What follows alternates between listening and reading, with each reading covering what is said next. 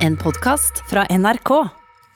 Men nå aller først så skal det handle om eh, kunstnere som blir eh, forfulgt, for det er et økende problem i verden. Stadig flere trenger hjelp fra organisasjoner som tilbyr kunstnere et trygt sted å bo. Nikan Khosravi eh, var en av dem, men han måtte flykte fra Iran og er nå bosatt i Harstad.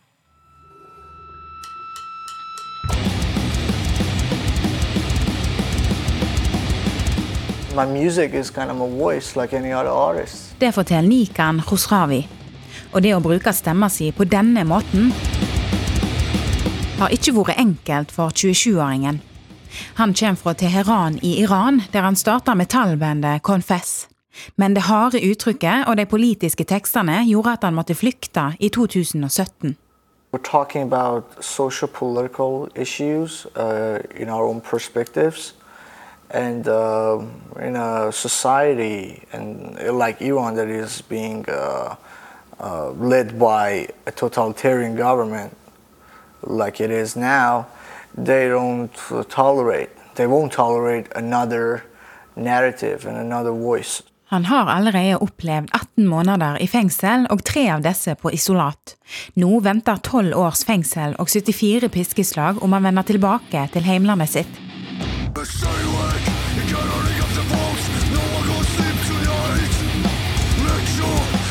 Etter at han flykta, kom han i kontakt med ulike organisasjoner som hjelper forfølgede artister og kunstnere. Slik enda han opp i Harstad kommune, der han nå har vært i litt over to år. Her lever bandet Confess trygt videre. Nei, Det er jo som for han som for alle andre som er forfulgt. Altså Alternativet er fengsling, eller i verste fall at de blir tatt av dage. Det sier daglig leder Jan Lote Eriksen i Safe Muse, som legger til rette for at kunstnere får en trygg sted å bo og å drive med kunsten sin. De samarbeider også tett med internasjonale Free Muse, som hvert år rapporterer om hvordan det står til med den kunstneriske ytringsfridommen rundt om i verden, og ifølge Eriksen er resultatene urovekkende. I 2020 ble 17 artister drepne og 82 satt i fengsel. Totalt var det 978 brudd på kunstnerisk fridom. Trakassering og forfølgelse av kunstnere øker. Og det som har vært trend de siste årene, er at dette kryper nærmere. Det er flere steder, land i Europa, hvor kunstnere får større problem. Spania var i flere år det landet som fengsla flest musikere på jorden. Det er økende i Europa, også i Ungarn, i Polen. Historia til Khosravi har fått mye oppmerksomhet internasjonalt, og her i Norge har blant andre Harstad Tidende skrevet om han. Called I'm Your God Now. Let's go.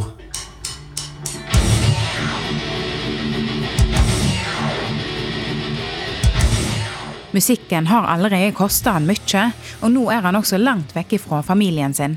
I guess my whole story kind of speaks for itself that how much this means to me because I'm still. Han holder opp gitaren sin og understreker hvor mye musikken betyr for han. So the, the dedication that I have for this is not something that I won't even try to do. You know, it's just me. You know, so I guess it means a lot. I mean,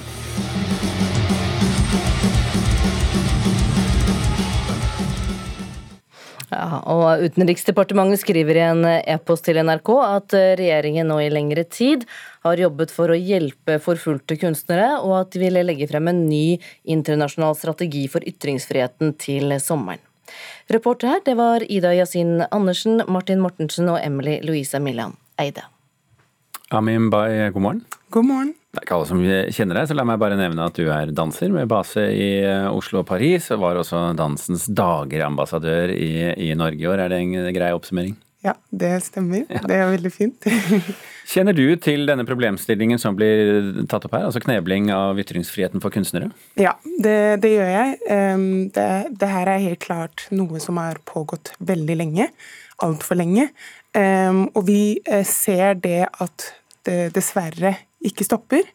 Dette er et veldig stort problem eh, som veldig mange eh, kunstnere som bor her i Norge ser at vi må ta et mer ansvar da, og prøve å hjelpe de vi kan hjelpe.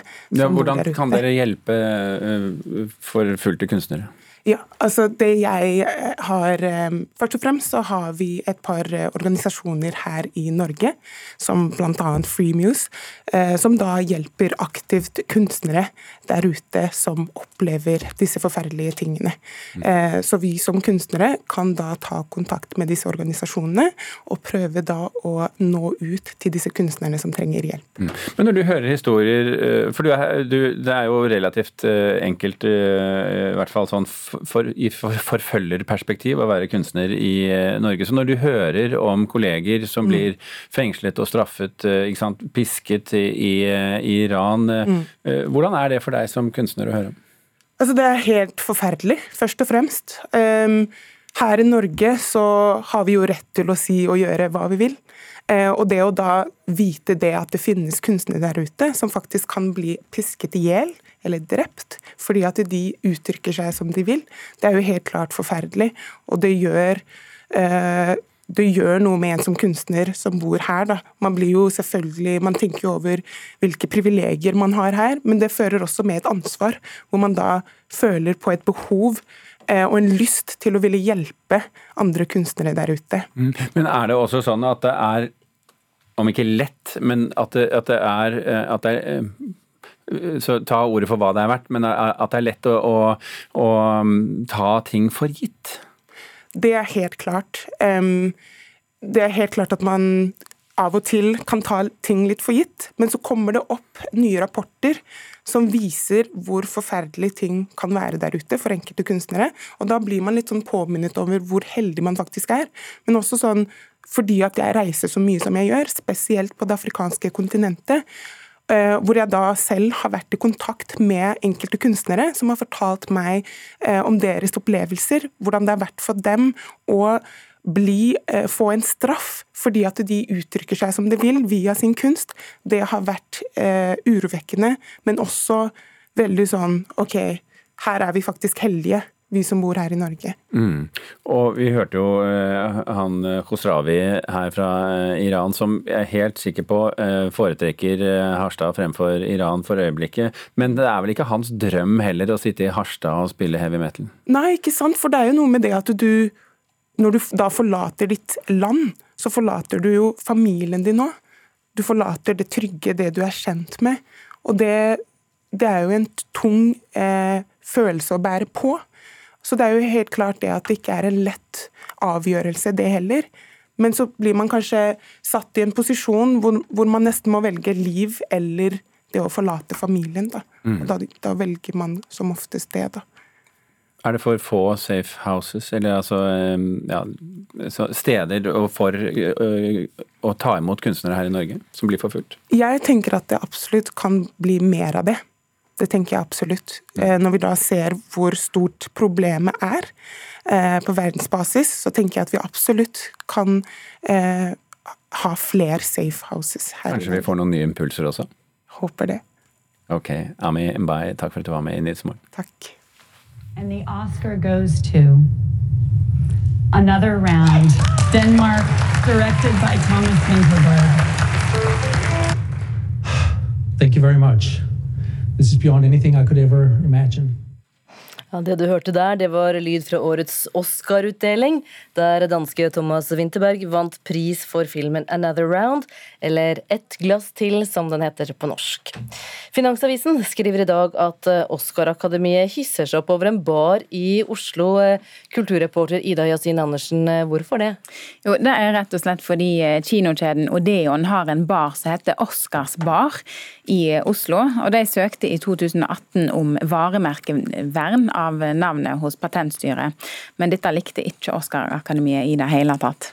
Nei, så, så, hva gjorde de med det? Nei, Finansavisen skriver at de engasjerte en norsk advokat for å kjempe mot denne varemerkesøknaden, men uh, dette fikk de ikke gehør for. og Avgjørelsen havna dermed i klagenemnda for industrielle retter, og de behandla saka i slutten av april. Så hva sier kinokjeden Odeon selv da til dette? Jo, altså Store deler av Veras øyne retter seg jo mot Los Angeles, eh, spesielt den ene gangen i året når disse prisene blir delt ut. Men ifølge kinokjeden sjøl så er det en helt annen eh, Oscar Baren er oppkalla etter. Og De forteller at den britiske grunnleggeren av kinokjeden eh, Odeon heter Oscar Dutch. og Han skal ha åpna sin første kino allerede i 1928, ett år før den aller første versjonen av den amerikanske filmprisutdelinga skjedde. da. Men Oscar-akademiet de kjøper ikke helt den, og mener at kinokjeden har brukt dette navnet for å eh, dra nytte av den store merksomheten og verdien som er knytt til prisutdelinga. Så da er spørsmålet hva er konklusjonen til klagenemnden? De har eh, kommet frem til at eh, Oscar-akademiet ikke kan kreve at eh, en bar i Oslo skal skifte navn. Og Akademiet foreslår faktisk selv at Odeon kan kalle baren sin Oscar Dutch Bar for å unngå forveksling. Men nå er det opp til Oscar-akademiet om de vil akseptere denne avgjørelsen fra den norske klagenemnda eller ikke. Og om ikke, så kan de dra krangelen videre inn, inn for domstolen. Ja, og Svaret på hva som skjer, det må vi bare vente på der. Takk skal du ha, kulturreporter Ida Yasin Andersen. Denne våren kommer det flere bøker som handler om hvordan Arbeiderpartiet og AUF håndterte terroren 22.07 for snart ti år siden. En av bøkene har AUF gitt ut selv og fins fritt tilgjengelig på ungdomsorganisasjonen nettsider. Den heter Aldri tie, aldri glemme, en bok fra AUF ti år etter terroren. Boken inneholder tekster fra flere bidragsytere. De fleste av dem har vært eller er aktive i AUF, men det er også tekster fra pårørende og forskere. og til og med en komiker er med her. Litteraturkritiker eh, her i NRK, Knut Hoem, god morgen. God morgen. Hva slags bok er dette, vil du si? Hvem er det som bidrar? Dette er en spesiell utgivelse, nettopp fordi at her får vi stemmen fra dem som ble angrepet 22.07.2011, eh, nemlig Arbeiderpartiet og Arbeiderpartiets ungdomsfylking eh, AUF. Eh, Ina Libak, som eh, tidligere leder i AUF, som kom tilbake igjen fra øya med fire skuddsår i, i kroppen, at, skriver her at andre ikke skal fortelle vår historie. Og Det tror jeg ikke hun mener bokstavelig, fordi også andre er inviterte inn i denne boken. Men allikevel så viser det tydelig at de nå ønsker å ta grep om denne fortellingen sjøl. Så her eh, møter vi flere av de overlevende. Eh, Sofie Rosten Løvdahl, som nå er bystyrerepresentant i Trondheim, hun eh, kom jo levende fra Utøya og gjemte seg i skolestua. Mens Liv Tørres så vidt overlevde anslaget mot bomben i regjeringskvartalet. Og Vi får også et veldig sentralt bidrag her fra Arne Emil Okkenhaug, som er far til Emil, som er en av de 77 som døde. Eh, mm.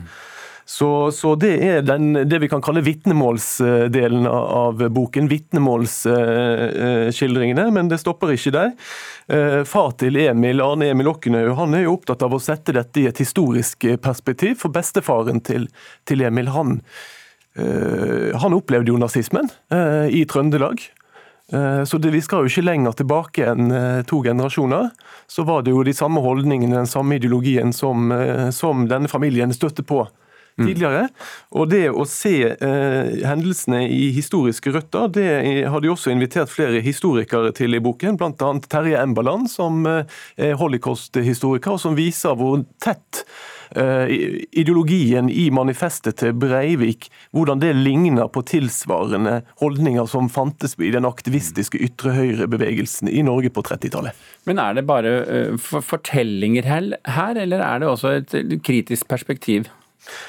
Det er veldig viktig for AUF-ene nå å komme videre fra hendelsene den dagen, men uten at taushetens slør brer seg. Og det er vel det som er hovedbudskapet og hoveddiskusjonen eh, i boken. Det er det at de opplevde at et taushetens slør la seg over landet i ukene og månedene og årene etter terroranslaget. At denne hendelsen var så var, et, var, så eh, vanskelig å håndtere i den daglige håndtere, politiske diskusjonen. Så nå forsøker de her å integrere det. Det var et politisk attentat, og da må man også respondere politisk. Og Så er det også en kritisk refleksjon her rundt eh, hvordan moderpartiet diskutert eller samt snakket om 22.07. juli.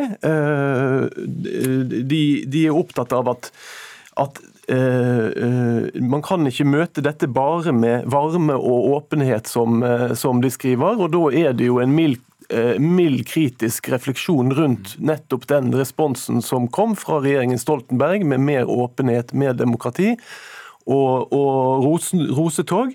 Mens eh, nå er det som er AUFs eh, målsetting nå, er jo mer å, en kamp mot høyreekstremismen og diskutere hvordan vi kan knuse den. Mm, Er det noe du savner her?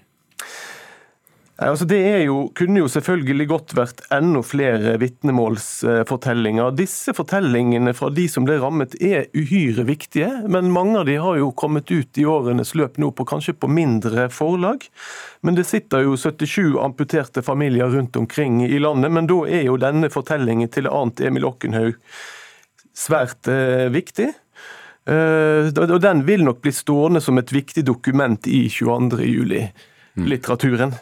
Men jeg tror at alle nordmenn, uansett politisk preferanse, vil ha nytte av å lese denne boken, som jo er veldig lett å få tak i, for den ligger jo på AUFs nettsider og kan leses av alle. Og denne komikeren som vi nevnte innledningsvis, er, det, er han morsom her, eller er det, er det bare at han er komiker? Ja, Det er altså eh, Dag Sørås som ble invitert inn av de pårørende for å, å underholde.